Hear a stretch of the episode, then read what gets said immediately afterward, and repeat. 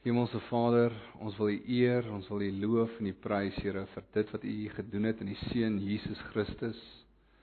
Dat U hom opgewek het uit die dood uit, Here, en dat ons vanoggend, Here, hier kan wees, Here. En um, ons gee vir U al die eer daarvoor, Here. Ons dank U, Here, soos wat ons nou net gesing het, Here, we will stand on every promise of your word. En so, Here, my gebed is vanoggend, Here, dat U daardie boodskap sal kom tuisbring by ons, Here dat U dit sal vasmaak in ons harte en dat U ons sal motiveer, Here, om hierdie boodskap van U redding, Here, te gaan uitdra ook vir die mense vir wie ons lief is in ons eie volksgenote en aan die hele wêreld, Here. Ons vra dit in die naam van die Seun Jesus Christus. Here, help my nou, Here. Gebruik nou my as U spreekbuis, Here. Ten spyte van my swakheid, vra ek U, Here, dat U asseblief aan die woord sal wees vanoggend. Vra dit in Jesus se naam. Amen sal net gou my foon afsit. Sal dalk 'n goeie ding wees. Goeiemôre vriende en familie. Ons is nie net vanmôre hier om opstanding Sondag te vier as 'n ritueel nie. Maar omdat dit wat op opstanding Sondag gebeur het, naamlik Jesus wat uit die dood uit opgestaan het, hierdie en al ons byeenkomste moontlik maak. So ons sit vanoggend hier as gevolg van dit wat gebeur het op Opstanding Sondag. Nou my boodskap vanoggend in die lig van Opstanding Sondag is God se getrouheid. God se getrouheid. So die vraag wat ek wil vanmôre beantwoord in die lig van hierdie Opstanding Sondag in die aan die hand van die woord is: Hoe kan ek seker wees dat God se werk deur sy uitverkorene Jesus Christus se kruisiging en sy opstanding dit sal bewerk wat hy aan Abraham met 'n eed beloof het. So kortom, is God getrou om sy belofte aan Abraham te hou. So ek wil vir julle vra dat julle saam met my sal kyk na Romeine 9 vanaf vers 1 en ek vra dat julle sommer julle Bybels daar sal oophou want ons gaan kyk na gedeeltes in Romeine 9 en Romeine 10. Romeine 9 vanaf vers 1. Ek lees uit die nuwe direkte vertaling. Ek praat die waarheid in Christus. Ja, ek lieg nie. En my gewete deur die werking van die Heilige Gees getuig saam met my dat ek in my hart 'n ontsaglike droefheid en 'n onophoudelike pyn ervaar. Ek sou inderdaad wou bid om self vervloek te wees, verwyder van Christus in belang van my broers, my volksgenote na die liggaam. Ek wil eers gou-gou vanaand daar stop. Het jy al ooit in 'n konvoi gery? En dan moes jy 'n baie belangrike afdraai gevat het. En in afgrys kyk jy in die triespieeltjie en jy sien dat die ouens wat veronderstel was om jou te volg, die afdraai gemis het en nou die verkeerde koers inslaan. En so dit is wat hoe Paulus nou hier moet voel oor sy eie volksgenote. Hoe hy sien dat hulle die afdraai gemis het, die pad van die vervulling van God se beloftes en nou op pad is na die ewige verdoemenis. Hoe kon hulle die tekens gemis het? Wat gaan nou met hulle gebeur? En dit is die gedagtes wat nou in Paulus se kop is. Nou ons lees van hierdie ontsaglike droefheid van Paulus hier in verse 1 tot 3 van Romeine 9. En die hartseer feit is is die wete dat Jesus die Messias is vir die Jode, maar meeste van die Jode glo nie in hom nie. Daar is Israel vandag nog en die oorgrootste meerderheid van die Jode glo nie in Jesus nie. En die vraag is, hoekom is dit? Hoekom glo die oorgrootste meerderheid van die Jode nie in Jesus nie? Nou hoekom is dit 'n belangrike vraag? As God se doel met Israel misluk het, watter sekerheid het ek en jy dat sy doel met die kerk gaan werk? Nou voordat ons in die res van die teks gaan indelf, wil ek net 'n paar hoekpenne inslaan. Eerstens, hierdie teks spreek Israel direk aan. Maar dit hou implikasies in vir ons ook. Tweedens, hierdie gedeelte veronderstel sy lesers ken die agtergrond van hierdie aanhalinge wat Paulus maak. Hulle hy veronderstel dat hierdie ouens die historiese figure in die gebeurtenisse waarvan hy wat hy nou hiervan praat ken. So dit gaan nodig wees vir ons om so 'n bietjie na die Ou Testament te kyk om die konteks te sien sodat ons nie in die war gebring word hier nie.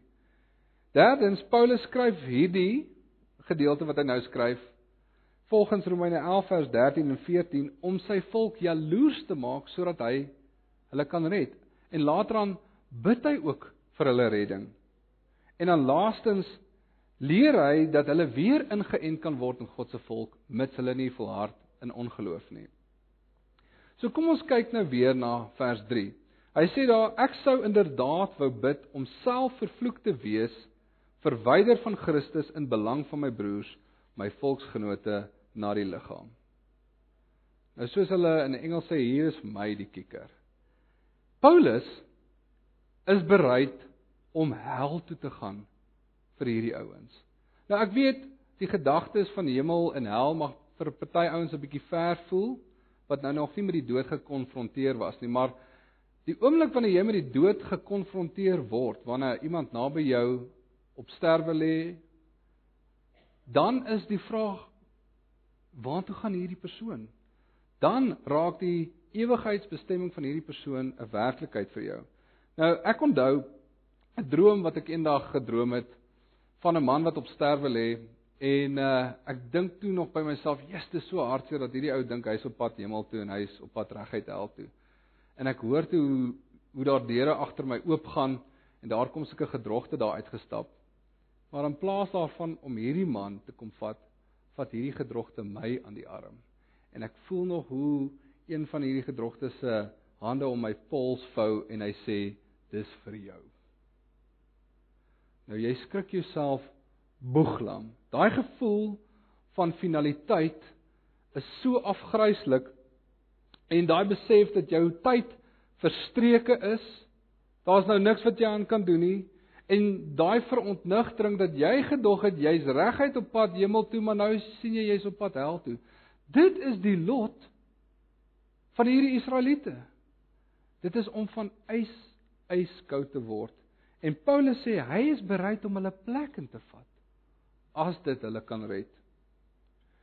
Nou Paulus begin om oor hierdie situasie van Israel se afvalligheid te dink en ek dink dit is wat ons nou saam met hom moet doen. Kom ons dink saam met Paulus oor Israel se situasie. Kom ons lees daar in vers 4. Hulle is Israeliete. Aan hulle behoort die kuns en die heerlikheid en die verbonde en die wetgewing en die tempeldiens en die beloftes aan hulle behoort die voorvaders en uit hulle het ook die Christus as mens gekom hy wat God bo alles is lofwaardig vir ewig amen so hy begin in verse 4 tot 5 om te dink aan die voorregte wat hierdie Israeliete tans geniet Nou let wel, hierdie is in die teenwoordige tyd geskryf. Aan hulle behoort die kunskap en die heerlikheid. Nou hierdie, as jy nou Romeine 1 tot 8 gaan lees, is voorregte wat nou behoort aan die wesens wat hulle geloof in die Messias plaas.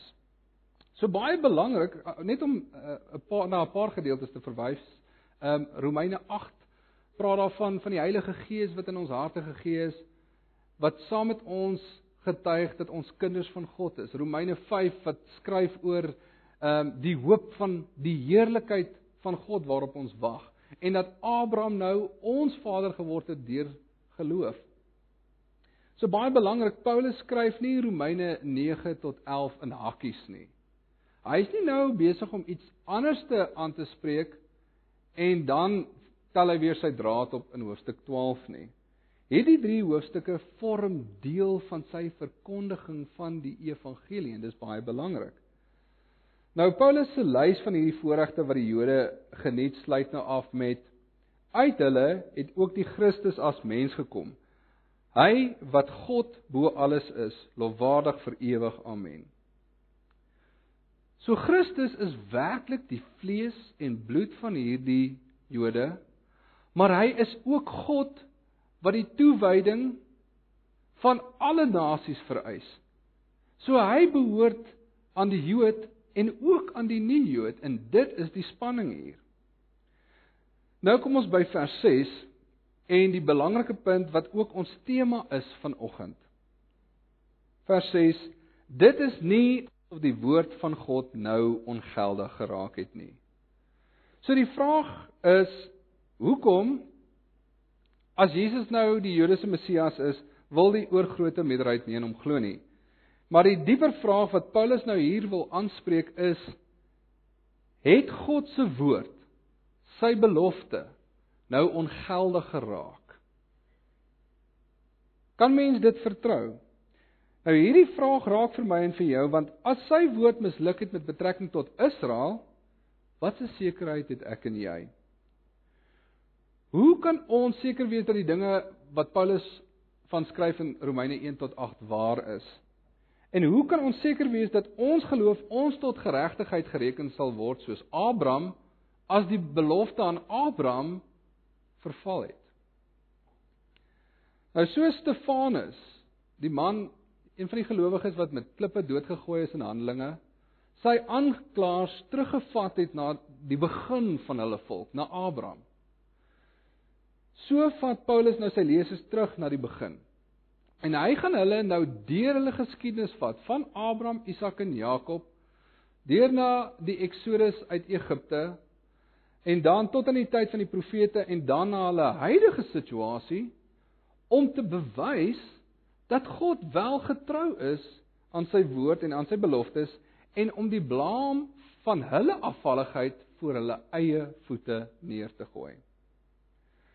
So nou as jy teruggaan na die begin, dan vind jy dat God van die begin af sy vreemde doelwit bereik deur om nie net een familie op die hele aarde te kies nie, maar dat daardie proses van verkiesing aangaan in daardie selfde familie. Vers 6b Want nie almal wat uit Israel afkomstig is, is die ware Israel nie. Ook is nie almal wat nageslag van Abraham is, sy kinders nie. Trouwens daar staan dit is deur Isak dat jou nageslag benoem word. Nou let wel, hy noem nie eers vir Ismael hier nie of Abraham se ander kinders wat hy met sy tweede vrou gehad nie.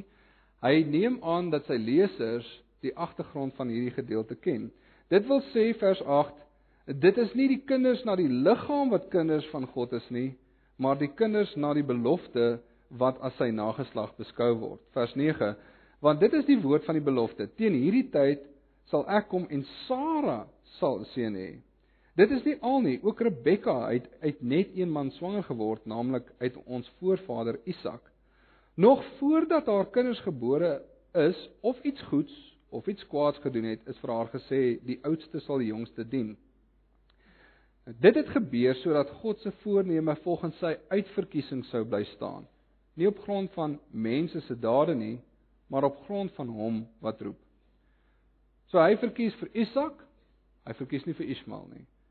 Hy verkies vir Jakob, hy verkies nie vir Esau nie. En hierdie verkiesing strek selfs verder as Jakob tot en met 'n enkele individu, naamlik die Messias wat uiteindelik die hele Israel se lot op sy skouers neem.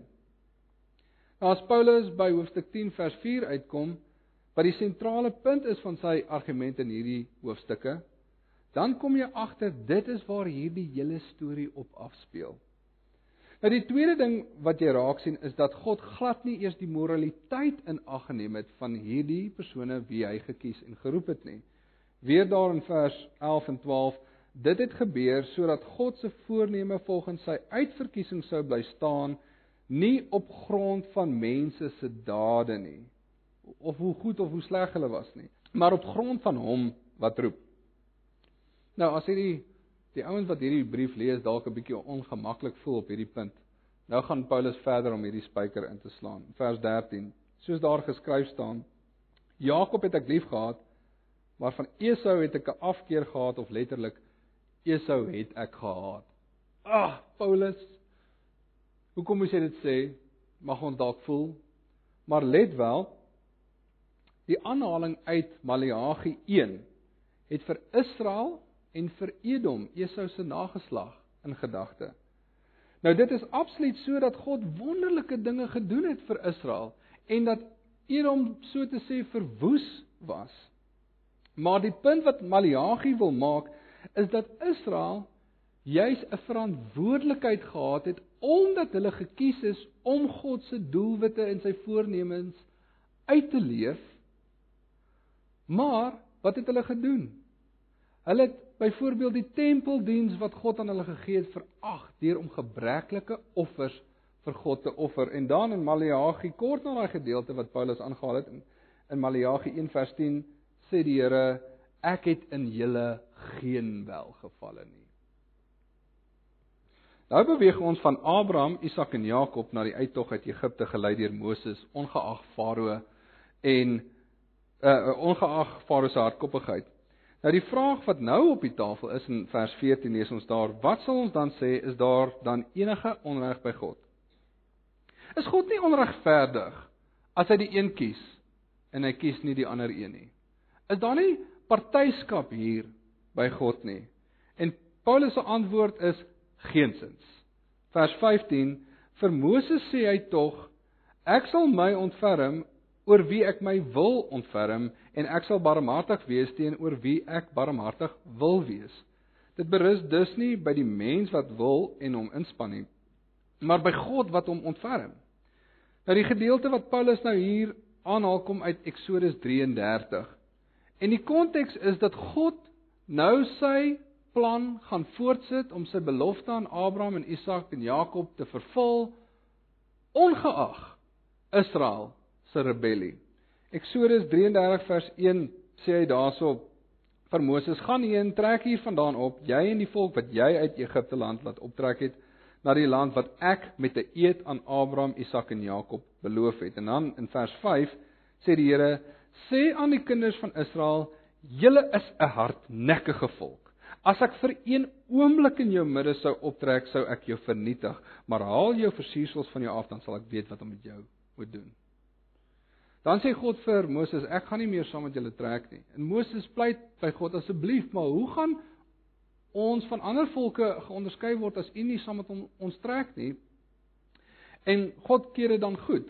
En dan neem Moses weer vrymoedigheid en hy vra vir die Here asseblief, wys my U weg en U heerlikheid om 'n getroue middelaar te wees. En dan antwoord uh, God vir hom en dit is ook nou die gedeelte wat Paulus hier aanhaal. En hy sê ek sal my majesteit by jou laat verbygaan en voor jou die naam van die Here uitroep, maar ek sal genadig wees vir wie ek genadig wil wees en my ontferm oor wie ek my wil ontferm. Met ander woorde, God se genade kan niemand, nie Isak nie, nie Jakob nie en selfs nie eers Moses op aanspraak maak nie. Hulle kan dit nie claim nie, want dan is genade nie meer genade nie. Hy gee dit aan wie hy wil.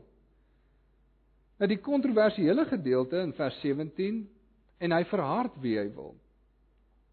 Die kontroversiële gedeelte is Farao se verharding. Nou weer eens Israel sou op hierdie punt nog glad nie 'n probleem gehad het met dit wat Paulus gesê het nie.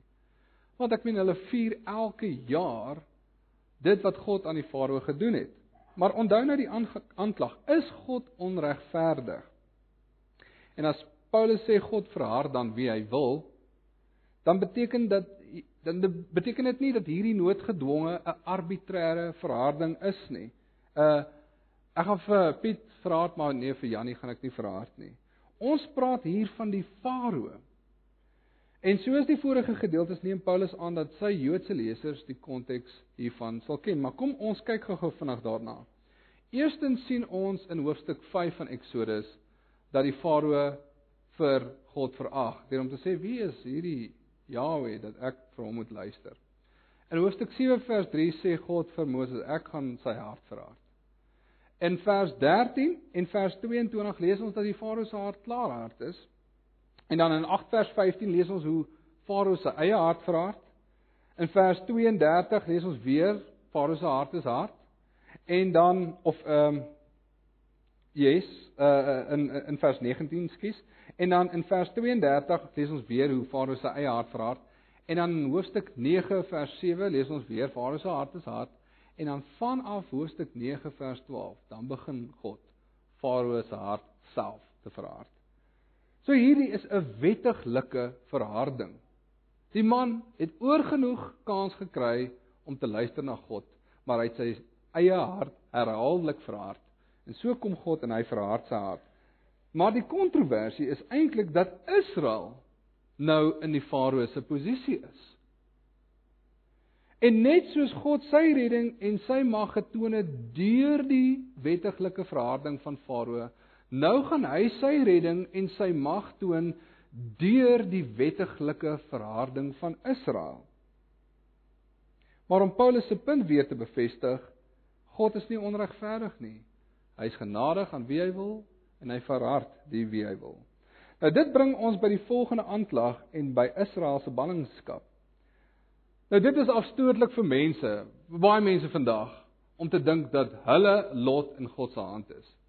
Ek uh, ek weet nie of van julle dalk die fliek Invictus gekyk het wat gaan oor Nelson Mandela en die gebeure rondom 95 wêreld rugby nie, maar daarin sal jy die mense arrogante kreet hoor I am the captain of my fate. I am the victor of my soul.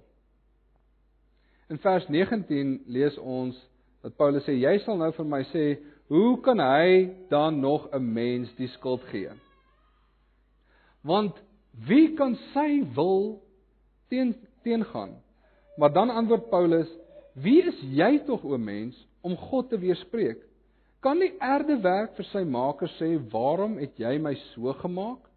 Of het die pottebakker dan nie die reg om uit dieselfde stuk klei 'n voorwerp vir eerlike gebruik of vir oneerlike gebruik te maak nie. Nou hierdie gedeelte van die pottebakker en die klei haal Paulus aan uit gedeeltes soos Jesaja 29 vers 16, Jesaja 45 vers 9 en Jeremia 18 vers 1 tot 6 en dit sal goed wees as jy hierdie gedeeltes gaan lees. Maar dit beskryf 'n tyd in Israel se geskiedenis waar God met hulle rebellie geworstel het en soos wat 'n pottebakker klei vat om 'n mooi pot te maak, trek die klei skeef in sy hande en dan besluit hy om liewerste 'n kriepot daarvan te maak. So Paulus se bedoeling om hierdie beeldspraak te gebruik is nie om te sê dat die mensdom soos 'n uh, breinlose stuk klei is en dat God die enigste denkende wese is wat daarop inwerk nie. Die teendeel is waar. Dit gaan oor God se roeping vir Israel En wat sal gebeur as hulle nie reg reageer op sy inisiatief om hulle te vorm as sy volk nie? Nou dit wat Paulus nou hier gaan sê is skokkend vir 'n Jood. En dit is ietsie wat selfs moeilik was vir Petrus om te sluk. Vers 22: As God dan die voorwerpe van sy toren wat vir ondergang bestem is met groot geduld verdra het, omdat hy sy toren wil vertoon en sy krag bekend wil maak, onthou vir Farao, het hy dan ook nie die reg om die rykdom van sy heerlikheid bekend te maak oor die voorwerpe van sy ontferming wat hy vooraf vir heerlikheid bestem het nie. Vers 24 Dit is ons wie hy geroep het, nie net uit die Jode nie, maar ook uit die nie-Jode. So God doen nou iets nuuts met Israel uit dieselfde nasie, dieselfde stuk klei. Maak hy nie net 'n onderskeid tussen twee groepe nie, soos met Jakob en met Esau nie. Maar hy voeg nou die heidene by die een groep, naamlik die groep wat hy noem die voorwerpe van sy ontferming. Nou dink weer aan God se belofte aan Abraham in Genesis 12 vers 3. En ek sal seën diegene wat jou seën en hom vervloek wat jou vervloek en in jou Abraham dit is in jou nageslag in jou sal al die geslagte van die aarde geseën word. Nou dink 'n bietjie terug aan wat Paulus in Romeine 4 gesê het. As jy nou nog nie Romeine gelees het nie, kyk 'n bietjie saam met my. Ek gaan dit vir julle lees of julle kan soen toe blaai Romeine 4 vers 17. Maar hou julle vinger by hier by Romeine 9. Romeine 4 vers 17. Soos ek geskryf uh, soos geskrywe is, ek het jou Abraham 'n vader van baie nasies gemaak voor die gesig van God in wie hy geglo het, wat die dode lewend maak en die dinge wat nie bestaan nie roep asof hulle bestaan. Kyk na vers 23. Maar dit is nie alleen om sy ontwil geskrywe dat dit hom toegereken is nie, maar ook om ons ontwil aan wie dit toegereken sal word, ons wat glo in hom wat Jesus ons Here uit die dode opgewek het. Dit is hoekom ons vanoggend hier sit mense. God is getrou aan sy belofte aan Abraham. Ons vier opstanding Sondag. Ons glo in die God wat die dooies opwek. Ons glo in God wat Jesus Christus uit die dood opgewek het. So die bewys vir God se getrouheid sit hier reg voor ons vanmôre. Nou om hierdie gedagte verder in te hamer, haal Paulus vir Hosea aan in daarin vers 25 van Romeine 9. En dan sê hy, so sê hy ook in die boek Hosea, hulle wat nie my volk was nie, sal ek my volk noem en haar wat nie geliefd was nie, sal ek my geliefde noem. En op daardie plek waar hulle gesê is julle is nie my volk nie, juis daar sal hulle seuns van die lewende God genoem word. Nou hierdie is aanhalinge uit Hosea 2. En in Hosea verwerp God vir Israel weens haar afgoderry. En hy beskou haar as 'n hoer. En hy roep vir Hosea om 'n hoer te gaan trou sodat hy God se visual display kan wees vir Israel.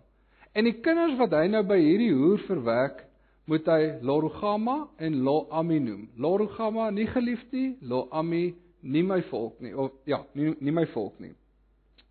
Sy seun en sy dogter.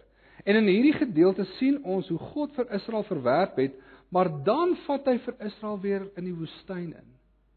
En hy maak haar weer syne en hy sê daar waar daar gesê is Loami of nie my volk nie, Hosea se seun, sê hy daar sal hulle nou seuns van die lewende God genoem word.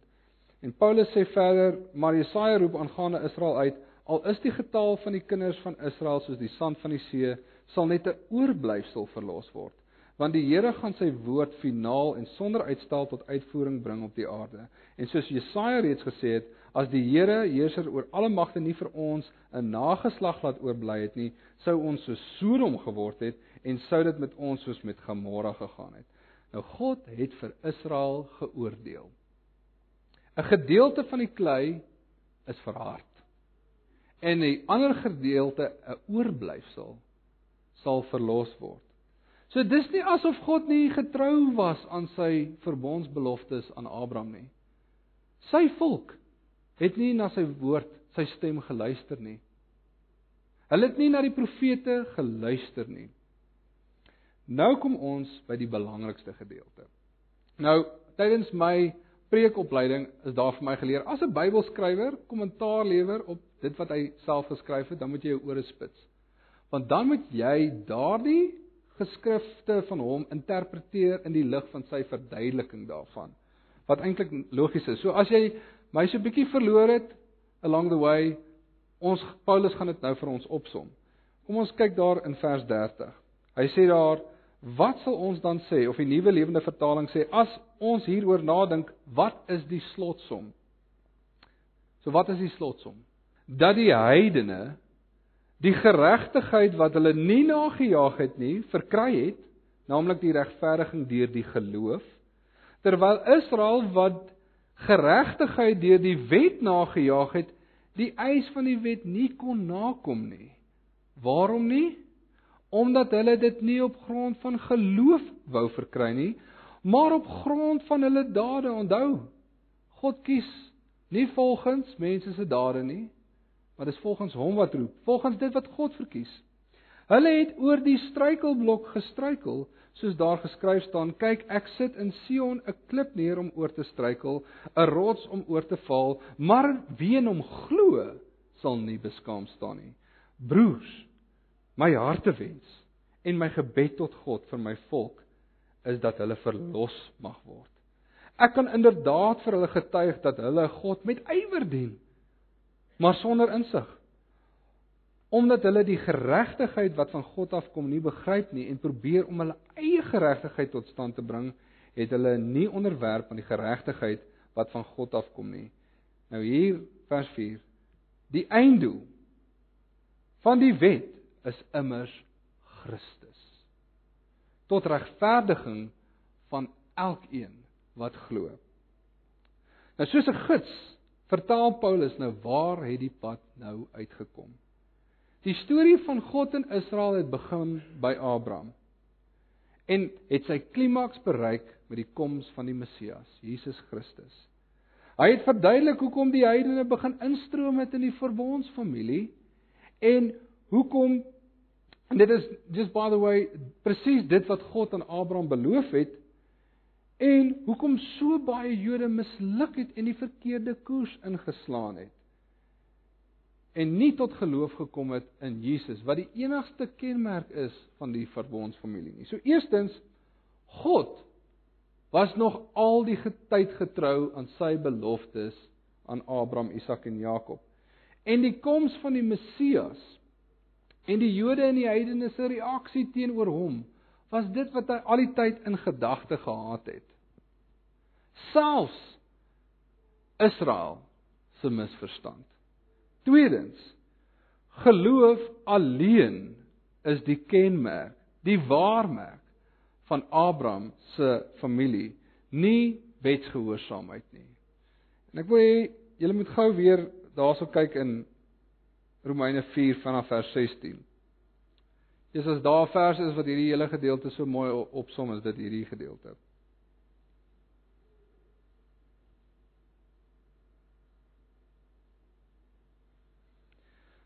Daarom is dit uit die geloof sodat dit volgens genade kan wees en die belofte kan vas staan vir die hele nageslag nie alleen vir die wat uit die wet is nie maar ook vir die wat uit die geloof van Abraham is die vader van ons almal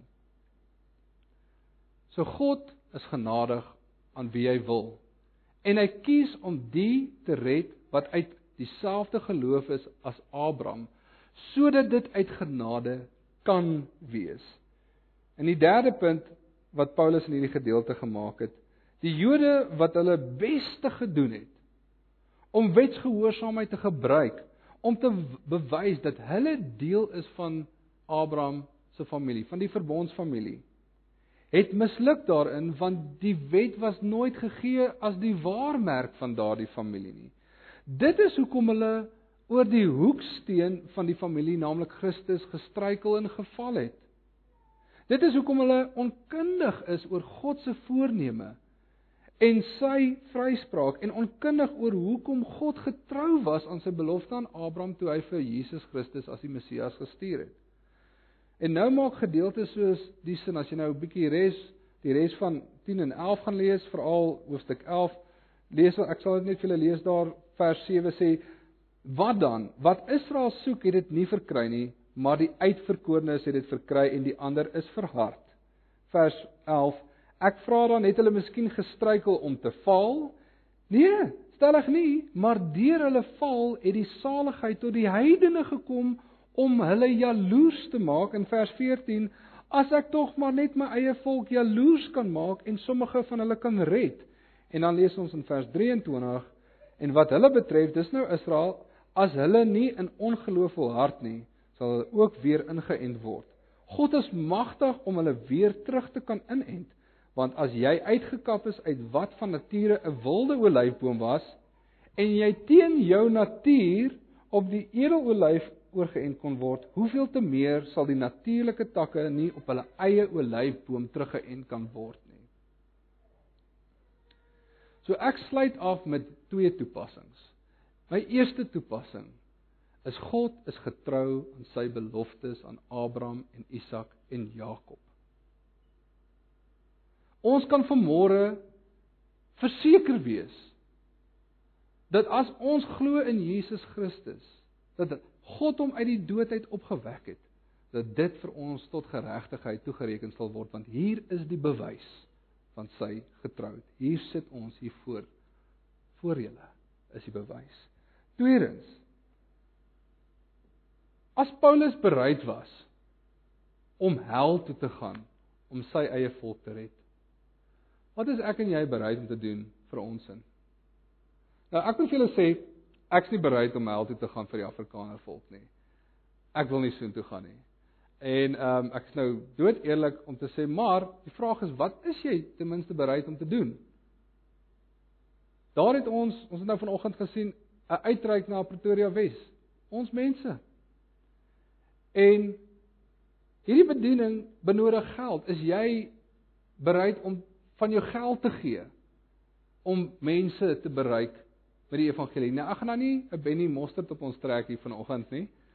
Maar is jy bereid om te belê in hierdie bedienings om mense van jou eie volk gered te sien? Is jy bereid om van jou tyd te gee en betrokke te raak? Dalk by oom Hendrik ook daarso in die weste. Is jy bereid om jou talente te gee? Jy hoef nie 'n spreker of 'n 'n musiekinstrument te kan speel nie. Daar's baie ander vorms van bediening, maar as jy bereid om die gawes wat jy wat die Here vir jou gegee is, gegee het, te gebruik om jou eie volksgenote te bereik. Nou ek moet vir julle sê ek gaan eerlik met julle wees, hierdie naweek wat verby is, die uitreik na Pretoria Wes, ek was nie lus om te gaan nie. Ek was serieus nie nie lus lus om te gaan nie. En Claudia het vir my gesê, "Onthou jy oom Nico se preek? Voetewassers, diensbaarheid." Ek ek onthou dit. En ek gaan toe in die Vrydag aand preek ek nou vir die klomp tieners. En ek voel ek het in 'n geval 'n slegte job gedoen. En na die tyd kom daar 'n meisie na my toe en sy sê vir my, "Oerie, my ma is Desember oorlede.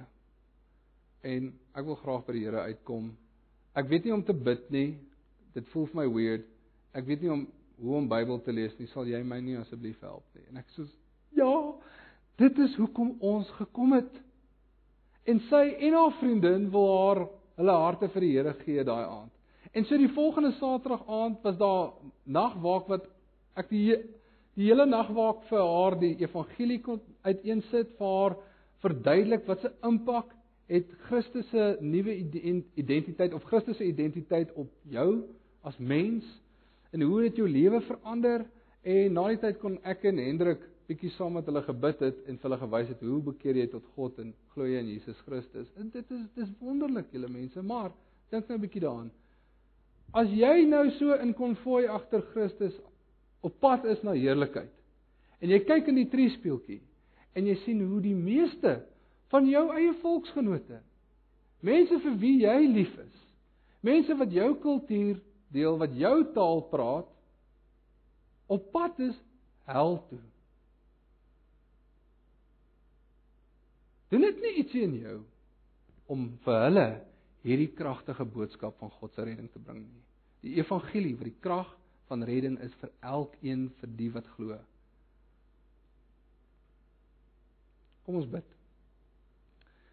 Hemelse Vader, Here, ons wil U eer vanmôre, vanmôre Here, en ons wil vir U dankie sê, Here, vir dit wat U gedoen het in Jesus Christus. U woord is waar, Here. U beloftes is waar. U is getrou, Here, om U beloftes te hou ten spyte, Here, van die mense se rebellie. Ten spyte van ons onvermoë, Here. Kom u en u doen wat u gesê het u gaan doen. En u gebruik selfs die ontrouheid van u volk, Here, om u plan te bereik. Here, u is wonderlik. U is so groot. U intelligensie is bo ons verstand, Here. Ons kan dit nie begryp hoe slim u is nie. Hoe volmaak u kennis is nie. Here, u is 'n wonderlike God. En Here, ons kyk na u seun wie u gestuur het. In hom kan ons vir U sien, Here. En wat sien ons? Daar sien ons vir Christus aan 'n kruis vasgenaal wat sterf vir ons sondes. Daar sien ons vir Jesus wat afgaan graf toe. Daar sien ons vir Christus wat uit die dood uit opgestaan het en wat die lewe nou vir ons kan gee, Here. Dankie vir dit wat U kom doen het in U seun Jesus Christus in ons plek. Iets wat ons nie vir onsself kon doen nie. Dis absolute genade. Dis iets wat ons nie op aanspraak kan maak nie, Here. Dankie, Here. Ons eer U in Jesus Christus se naam. Amen.